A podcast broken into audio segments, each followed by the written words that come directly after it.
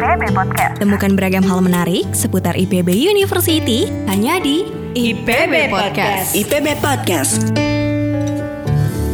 Assalamualaikum warahmatullahi wabarakatuh. Selain program sarjana, bagi sobat IPB yang akan masuk ke IPB University, ada juga program sarjana terapan yang berada di sekolah vokasi. Mungkin sobat IPB banyak yang bertanya-tanya apa perbedaan antara program sarjana dengan program sarjana terapan. Lalu, apa saja jalur masuk untuk sekolah vokasi ini? Bersama saya, Utami Diasa Fitri, kita akan membahas terkait dengan sarjana terapan di sekolah vokasi IPB University bersama dengan Wakil Rektor Bidang Pendidikan dan Kemahasiswaan IPB University, Profesor Dr. Hewan Deni Noviana, PSD. Apa kabar, Bapak? Kabar baik, Alhamdulillah Bu Utami. Iya, senang bertemu dengan Bapak. Kita akan bahas tentang sekolah vokasi ya Pak ya. Siap, Nah, silakan. ya mungkin uh, bisa ceritakan Pak, sekolah vokasi itu apa sih? Eh, bicara harus bicara sejarah dulu nih kayaknya Bu ya. Iya, benar. Jadi kalau bicara sejarah, tapi kalau saat ini sekolah vokasi sebenarnya salah satu dari 12 fakultas dan sekolah yang ada di IPB. Hmm. Eh, salah satunya adalah sekolah vokasi. Sekolah vokasi ini punya sejarah yang panjang. Tadinya pendidikan diploma atau vokasi dikelola di bawah fakultas, beberapa fakultas ter- eh, terpisah-pisah begitu ya. Iya. Kemudian bergabung menjadi program diploma. Akhirnya eh, sejak beberapa tahun yang lalu dikoordinasikan menjadi lebih baik dengan struktur organisasi yang baik sehingga terbentuklah sekolah vokasi. Nah, penekanan sekolah vokasi tentu eh, keywordnya adalah kita ingin menghasilkan lulusan yang memiliki keterampilan yang yang lebih tinggi dari sisi presentasi keterampilan dan memiliki eh, keterampilan di bidang tertentu yang memang disesuaikan dengan prodinya. Jadi paling prinsip perbedaannya adalah di situ. Ya, berarti sebenarnya kalau sekolah vokasi ini Pak lebih ke arah diploma ya? Eh, Diploma, diploma, di- iya. Ya, kalau di IPB itu kan ada diploma 3 dan diploma 4 ya Pak ya? Ya, betul. Nah, sebenarnya apa sih Pak perbedaan program diploma 3, diploma 4 dan program sarjana tersebut Pak? Baik, jadi yang pada prinsipnya dulu ya, perbedaan antara diploma dengan eh, apa sarjana, secara umum biasanya pendidikan diploma ini struktur kurikulumnya atau muatan yang ke arah eh, skill, praktikumnya itu dari 60 sampai 70 persen, sekitar segitu. Sisanya 30 sampai 40 persen adalah lebih ke science-nya. Sementara untuk sarjana kebalikannya. Jadi sarjana 60 persennya adalah eh, science ya, 40 persen baru practical. Itu yang pertama. Yang kedua eh, dari sisi perbedaannya. Nah untuk D3 D4 tentu dari sisi eh, waktunya beda ya. D3 ditempuh 3 tahun, D4 4 tahun. Nah ini IPB punya kebijakan yang baru nih Bu Tami. Oh iya, gimana, Kebijakan Pak? yang barunya adalah eh, dari 17 prodi yang tadinya D3 di IPB semua jadi elevasi menjadi D4. Wah ini jadi sarjana terapan ini bedanya Iya. ya. Jadi artinya dia sarjana, Mhm. tapi keterampilan atau skillnya eh, lebih lebih kuat ya. Dia lebih cenderung ke keterampilan. Jadi itu bedanya di situ bu. Berarti sebenarnya kalau sobat IPB yang ada adik-adik yang di SMA ini, Mhm. kalau ingin uh, melanjutkan studi di IPB University, Mhm. selain program sarjana, mereka juga punya kesempatan ya Pak ya untuk masuk ke dalam program diploma 4-nya sekolah vokasi. Betul. Karena uh, ibaratnya perbedaan ini seperti kalau adik-adik atau sobat IPB ingin belajar berenang, ya mereka belajar berenangnya, Iya bukan betul. teorinya. gitu Betul ya. betul. Ya berarti sebenarnya terbuka kesempatan juga untuk pangsa uh, peluang kerjanya juga lebih uh, tersalurkan di uh, dunia industri yang memang menyerap tenaga yang bersifat praktis ya Pak ya. Betul betul. Ya. Oke, baik Pak. Ini sering kali terjadi nih Pak. Sobat IB kadang-kadang, oh oke lah saya akan ngambil misalkan diploma 3. Mm-mm, mm-mm. Nah bisa nggak ya nanti dari diploma 3 ini saya akan melanjutkan ke diploma 4 gitu. Oke. Nah, eh, untuk saat ini karena kebijakan perubahan kita sebut elevasi ya, Bu ya. Iya. Elevasi D3 D4 ini baru tahun lalu ini IPB Iya. juga karena ini sebetulnya kebijakan dari pemerintah juga. Nah, karena baru elevasi, tentu kita masih penataan ini, Bu. Ah, ya. Penataan. Jadi setidak saat ini yang baru bisa kita fasilitasi tentu eh, mahasiswa yang existing ada di kampus. Ya, artinya mahasiswa baru ya Pak mahasiswa ya? Baru, Mahasiswa mahasiswa baru, itu otomatis dia jadi D4. Iya. Nah, tapi untuk yang eh, yang tadinya D3 ingin lanjut jadi D4, Iya. Insya Allah kita siapkan jalurnya Iya. untuk sana, tapi mungkin belum dalam tahun ini begitu ya. Oh, iya. Karena kita harus siapkan aturannya sudah ada dari Hmm. pemerintah, jadi kita sedang siapkan untuk itu.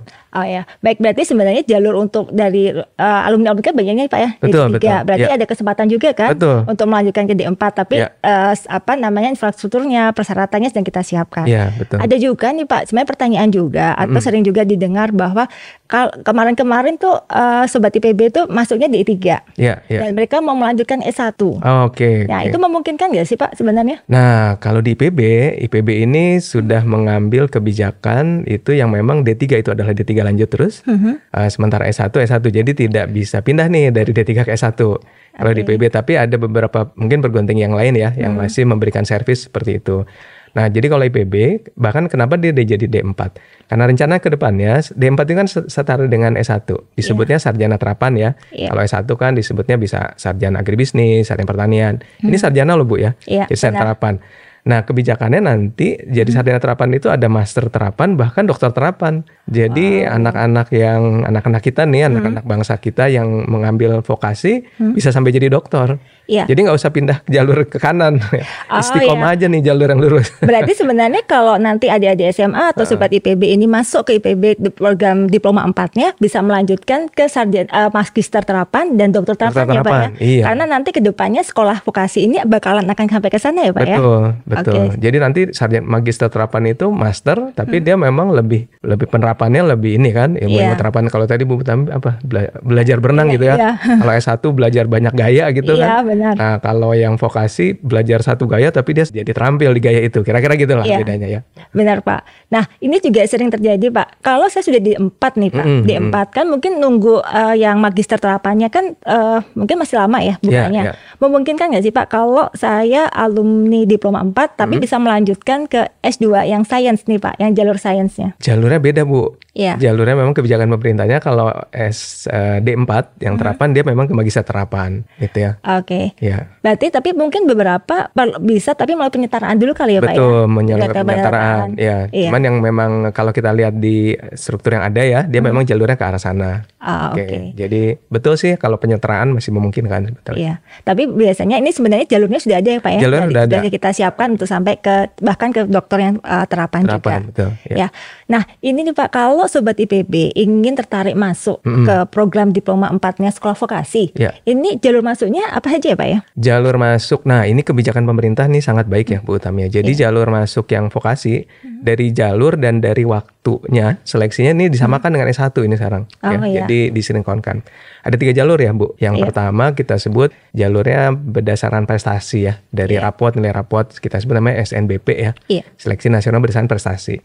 Yang kedua SNBT berdasarkan tes ya. Iya. Nah, ini kira-kira dari sisi komposisi sama-sama 30% nih dari total kuota. Sisanya yang 40% ujian mandiri. Nah, Oh. ujian mandiri ini mereka mungkin yang punya prestasi nasional internasional, jalur ketua OSIS ya, Bu. Tapi kita Oh, punya iya. jalur ketua OSIS, Iya. mungkin beasiswa utusan daerah. Nah, ini kita ada di 40%. Jadi ada tiga jalur yang bisa diambil nih oleh anak-anak kita. Ya, berarti tahun ini tuh kita terbuka ya Pak ya untuk SMBP, SMBT dan jalur mandirinya. Betul, Masing-masing 30%, 30% dan 40%. 40%, ya. Nah, bicara tentang program studi nih Pak. Kira-kira program studi yang em, apa namanya ada berapa sih program studi yang ada di eh, sekolah vokasi ini? Sekolah vokasi. Total nih Bu ya, Iya. kalau sekolah vokasi ini ada 17 program studi. Dan hebatnya nih IPB punya dua kampus nih Bu. Oh, iya. Ada di Bogor ya, sama Iya. ada di Sukabumi. Oh iya, sekolah vokasi punya dua kampus Punya ya, dua ya? kampus. Jadi Iya. kalau siapa tahu bukan orang Sukabumi tapi ingin belajar yang lebih tenang gitu ya, bisa Iya. milih di kampus Sukabumi. Nah, di sana ada beberapa prodi ya di Iya. Sukabumi terutama yang terkait bidang pertanian, perikanan, itu ada di sana. Mhm. Nah, jadi kembali yang tadi 17 prodi, Bu. Iya. 17 prodi, kemudian 16 prodi ini udah D4. Mhm. Jadi tinggal satu prodi yang eh, D3. Tapi sedang proses kan Tapi sedang proses, jadi Oke. semua akan jadi D4 Iya, Pak. semua, Iya. Iya. Terus Pak kalau saya ngintip nih Pak, ngintip di admisi.ipb.ac.id itu Mm-mm. memang eh, ada dua kampus kan, kampus Sukabumi sama kampus Bogor. Bogor. Ini dua-duanya persyaratannya sama ya Pak Sama, ya? Tetap, eh, sama. tetap tiga jalur tersebut kan? Sama, ya, betul. jadi siapa saja boleh mendaftarkan ya Pak Boleh. di kampus Sukabumi. Boleh. Nah, kalau ini Pak, spill sedikit terkait Hmm. dengan bagaimana sih peluang uh, sobat-sobat IPB ini untuk bergabung di kampus Bogor maupun di kampus uh, Sukabumi. Peluangnya seperti apa nih Pak kira-kira? Peluangnya Iya. asal ada usaha yang keras pasti harusnya bisa ya. Iya benar ya Pak. Semua usaha masih bisa ya. Iya. Ah, ini memang kadang mahasiswa atau siswa SMA sering menyebut jurusan favorit gitu Bu ya. Iya. Nah, ujungnya memang akhirnya jadi ada nih usaha favorit itu berarti yang daftar itu jumlahnya banyak Iya. dibanding yang diterima. Mhm. Contohnya ada namanya manajemen industri nih. Iya. Nah, itu lumayan tinggi ini keketatannya. Iya. Ya lebih kurang mungkin sekitar 45 orang mendaftar, satu yang diterima gitu Bu ya. Iya. Ada juga yang komunikasi digital dan media. Ini juga tinggi juga nih Bu. Nah apalagi kan sekarang mereka ingin yang jadi entertain apa entrepreneur, mereka ingin kerja di apa di media sosial dan sebagainya.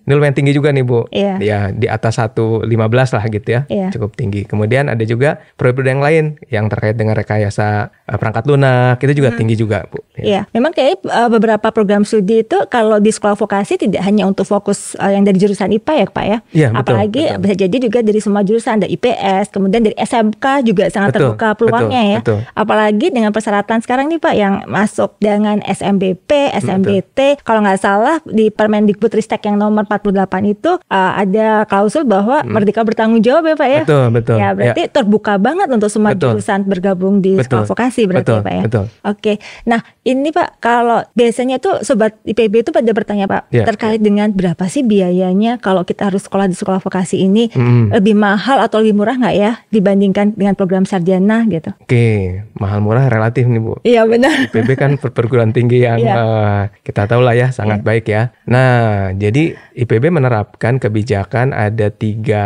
tiga tarif ya kita sebutnya ya atau iya. tiga titik nih. Ada yang 5 juta, tujuh setengah, 10 juta. Itu tentu disesuaikan dengan pertama latar belakang ekonomi begitu ya Bu ya. Iya. Jadi nanti pada saat mendaftar nih Mhm. ada syarat-syarat ya. Tentunya Iya. harus melengkapi syarat ya keterangan eh, penghasilan orang tua dan sebagainya. Jadi 5, tujuh setengah, 10 per. Iya. semester. Oke. Berarti kalau setahun ya nanti tinggal dikali dua ya. Iya. Dan satu lagi Bu, untuk jalur mandiri Iya. Yang uh, tadi ya seleksi mandiri itu ada tambahan yang kita sebut BPIF nih Bu. Oh, Biaya iya. pengembangan eh, institusi dan fasilitas ya, infrastruktur dan fasilitas. Nah, ini besarnya sekitar 15 juta untuk eh, satu kali tapi satu kali masuk aja. Iya. Tapi untuk yang jalur undangan dan jalur tes itu tidak ada. Oh iya, Ya. oke. Berarti sebenarnya untuk eh, uang kuliah tunggal sekolah vokasi sama ya dengan eh, pada saat program sarjana ya Pak ya, Sama, berdasarkan sama. penghasilan orang Penghasilan tua orang ya. tua, betul. Cuman tingkatannya ada tiga tadi, Iya. 5 juta, tujuh setengah 7,5 juta, dan 10. 10 juta. Betul. Nah kemudian untuk yang jalur mandirinya, yang jalur tes kayak Pak ya, Iya, jalur, jalur tes yang tes. SMIPB ada biaya BPIF yang 15